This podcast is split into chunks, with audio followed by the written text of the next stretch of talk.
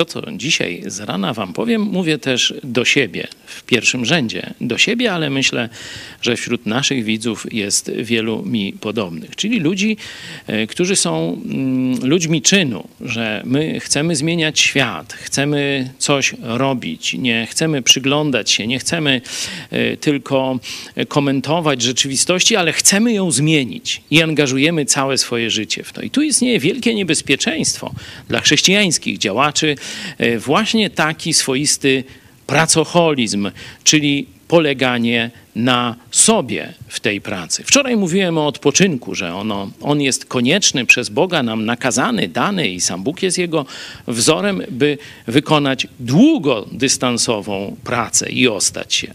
Teraz chciałem powiedzieć o drugim bardzo ważnym elemencie. Jezus tak to ujął, 15 rozdział, porównanie takie rolniczo, powiedzmy, jakieś kółkarskie. Ja jestem krzewem winnym, wy jesteście latoroślami.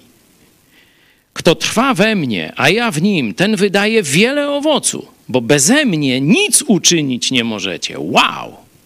Warto to sobie tam gdzieś wryć mocno żeby wydać wiele owocu, to nie musimy ciężej pracować, nie musimy zarywać nocy, nie musimy jeszcze szybciej, nie musimy jeszcze tylko lepszej organizacji zrobić, choć niekiedy to jest potrzebne i absolutnie tego nie neguję.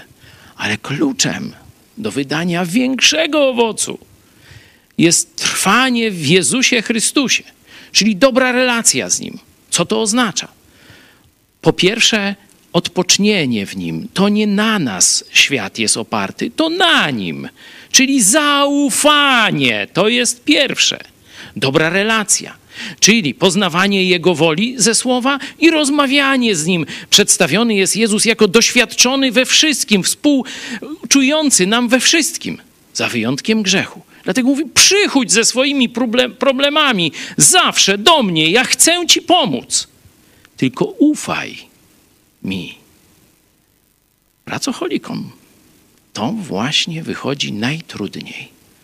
No stąd prośmy Boga o pomoc. O to, żeby pomógł nam Jemu ufać i na Nim polegać, w Nim trwać, a nie na sobie.